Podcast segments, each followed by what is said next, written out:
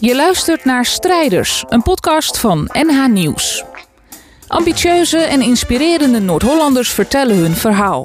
Ze vertellen over hun dromen, hun successen en ook over de hobbels die ze onderweg tegenkomen. Deze week het verhaal van Mirjam. Ik ben Mirjam de Vos. Ik werk als onderzoeker en als trainer in het AMC. En ik ben moeder van een ernstig gehandicapte dochter. Inmiddels is zij 28 jaar. En mijn leven staat in het teken van meer compassie voor de kwetsbaren in deze samenleving. We zijn in het Wisseloord Café in Hilversum. Op een sokkel, omringd door publiek, staat iets dat Mirjam heeft meegenomen. Het is een boek dat zij geschreven heeft. Het heet Als je kind niet zelf kan beslissen.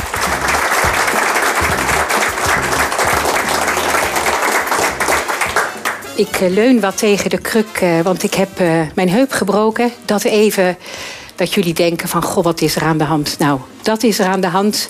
Maar ik ben blij dat ik hier ben. En ik wil jullie meenemen in een persoonlijk verhaal... dat op een gegeven moment ook helemaal verweven is geraakt... met mijn leven als professional, zou je kunnen zeggen.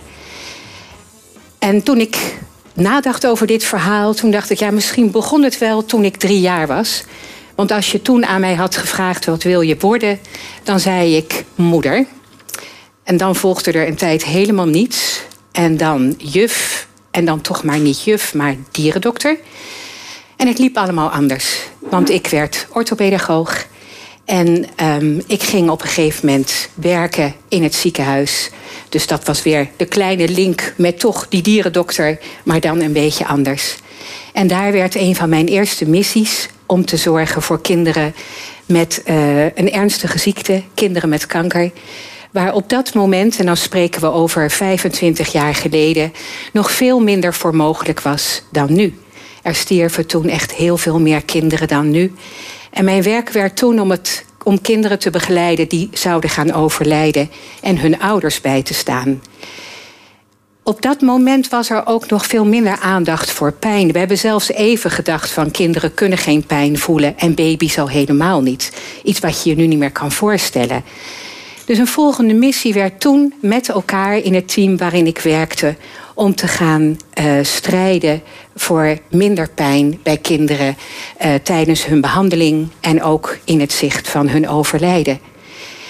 Er werd toen het nodige gedaan aan onderzoek naar medicijnen, maar ook naar andere manieren. Het was het begin eigenlijk van mindfulness, van hypnose, ontspanning. En dat is waar ik me toen mee bezig heb gehouden. En ik heb toen een training met kinderartsen ontwikkeld in wat je kan doen met hypnotische manieren met ontspanning om die pijn te verminderen. Zeker in die allerlaatste fase. En toen was het zover. Ik werd na toch even wachten moeder.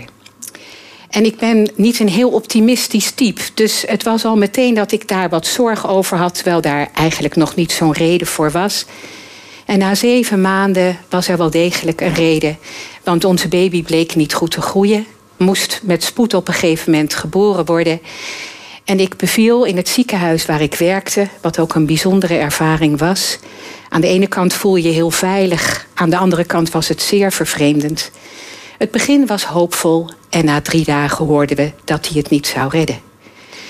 En op dat moment sta je voor het eerst aan de andere kant van de streep. En dat was een ervaring waarvan ik dacht: ja, ik heb zoveel gedaan, ik heb zoveel gewerkt. Ik had een beetje het arrogante idee, dan zal mij dat wel niet overkomen, want ik heb toch enig krediet. Alles kan ons, denk ik, altijd overkomen. En ons overkwam het op dat moment. En ik heb toen besloten om te stoppen met mijn werk, omdat ik dacht: ik kan ouders nu niet de zorg en de aandacht geven. Ik moet eerst zorgen dat ik zelf weer een heel klein beetje heel. En dat gebeurt. Ik weet niet of er onder jullie, u mensen zijn die het hebben meegemaakt. Maar je hield een klein stukje. En toch merk ik dat als ik een krantenartikel zie, als ik een film zie waarbij er ergens een ouder een kind verliest, dat dat alle pijn weer naar boven haalt en dat ik daar niet zonder ontroering naar kan kijken. En dat ik daarmee ook vanaf dat moment heb gedacht: we zijn één wereld en het verdriet van ons allemaal is hetzelfde verdriet. Bij ons is er alles aan gedaan om onze baby te redden bij kinderen ver van ons vandaan, wordt er soms nauwelijks iets gedaan. We laten het gebeuren. En ik merk dat ik daar nog iedere dag woedend over kan worden. Een jaar later kregen wij onze dochter. En wij hebben een jaar lang tussen hoop en vrees geleefd. We hadden het idee eigenlijk al vanaf het begin: zij is niet klaar voor de wereld. Dit is niet haar wereld. Zij huilde eigenlijk dag en nacht. Maar je wilt er op zo'n moment niet aan. Al helemaal niet omdat ik opnieuw dacht: die prijs hadden we toch betaald. Na 15 maanden kwamen we binnen bij een kinderneuroloog. En hij wierp één blik op onze kleine dochter. En zei: Ik weet wat er aan de hand is. En ik ga dat nog goed uitzoeken, maar bereid jullie erop voor dat dit toch niet meer een gewoon leven gaat worden. En zo maakte ik kennis met de wereld van de gehandicaptenzorg. Want onze dochter, die inmiddels 28 is, die bleek het syndroom van Angelman te hebben, waardoor ze zeer ernstig verstandelijk beperkt is, epilepsie heeft gekregen, maar wel een heel gelukkig wezen is zolang de zorg om haar heen goed is. Tijdens mijn studie was dat niet zo mijn wereld, die gehandicapte zorg. Ik had iets van het is onvoorspelbaar, het is zielig. En ik weet nog dat wij toen ze twee was kennis gingen maken in haar kinderdagcentrum. En dat was mijn eerste echte kennismaking met die instelling, met die instellingswereld waar wij, waar zij voor goed bij zouden horen. In het nazien schaam ik me een beetje hoe geschokt ik was. Ik had iets van, moeten wij hier onze plek vinden? Hier gaat zij toch niet horen? En na een maand was het een warm bad. Ik zag daar de liefde waarmee daar de begeleiders met de kinderen bezig waren. Er kwam een busje voor gereden. Er waren therapeuten die met haar aan de gang gingen. Het was voor ons echt een heel nieuwe ervaring in dit enorm rijke land. Ik dacht toen, ik wil iets terugdoen. En ik kreeg vanuit het ziekenhuis, waar ik af en toe nog trainingen gaf, de vraag van, moet er niet iets gebeuren zodat wij beter kunnen zorgen voor kinderen met verstandelijke beperkingen? Want ze leven langer inmiddels door alles wat wij hier kunnen. Maar we zijn er eigenlijk helemaal niet goed op toegerust. En ik heb toen een handboek geschreven voor professionals in het ziekenhuis hoe beter te zorgen voor kinderen met beperkingen.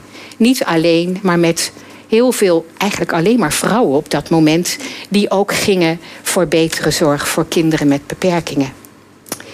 Ik werd teruggehaald. Er was toen geld, ja, dat had je toen nog.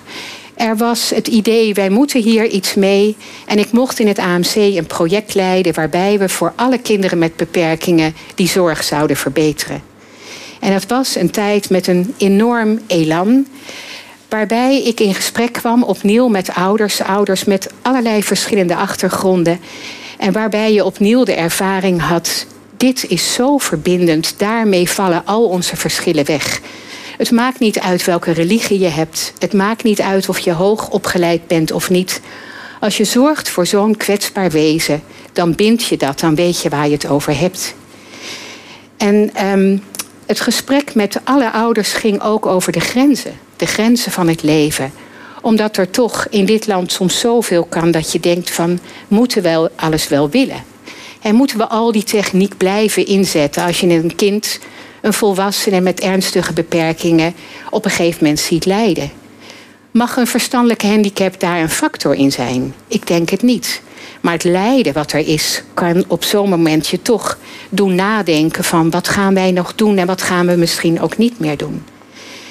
Uiteindelijk heb ik daar onderzoek naar gedaan. Ik heb gekeken hoe je met ouders samen hele moeilijke beslissingen kunt maken op maat. En heel goed luisterend naar waar ouders staan en wat voor hun belangrijk is. De kwaliteit van het kind centraal. En waar ik trots op ben, is dat ik met alle ouders uh, uiteindelijk dit boek heb geschreven. Waarbij we ouders tips meegeven hoe kan je dit soort hele ingewikkelde beslissingen nemen. Ik denk dat we op dit moment zien dat we in een samenleving leven waar, um, als je niet oppast, er steeds minder compassie komt met mensen met ernstige beperkingen.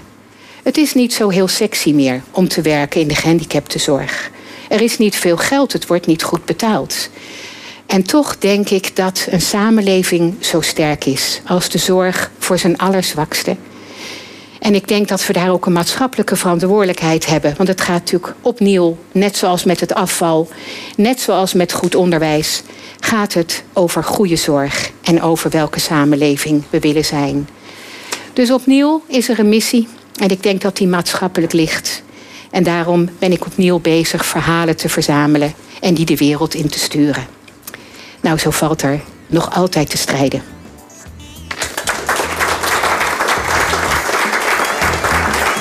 Leuk dat je luisterde naar het verhaal van Mirjam. Dit verhaal is er één uit de serie Strijders van NH Nieuws. Abonneer op deze podcast voor meer mooie verhalen van strijders. En helemaal leuk als je een reactie achterlaat. Voor meer strijders en ook voor video's, kijk ook eens op nhnieuws.nl/strijders.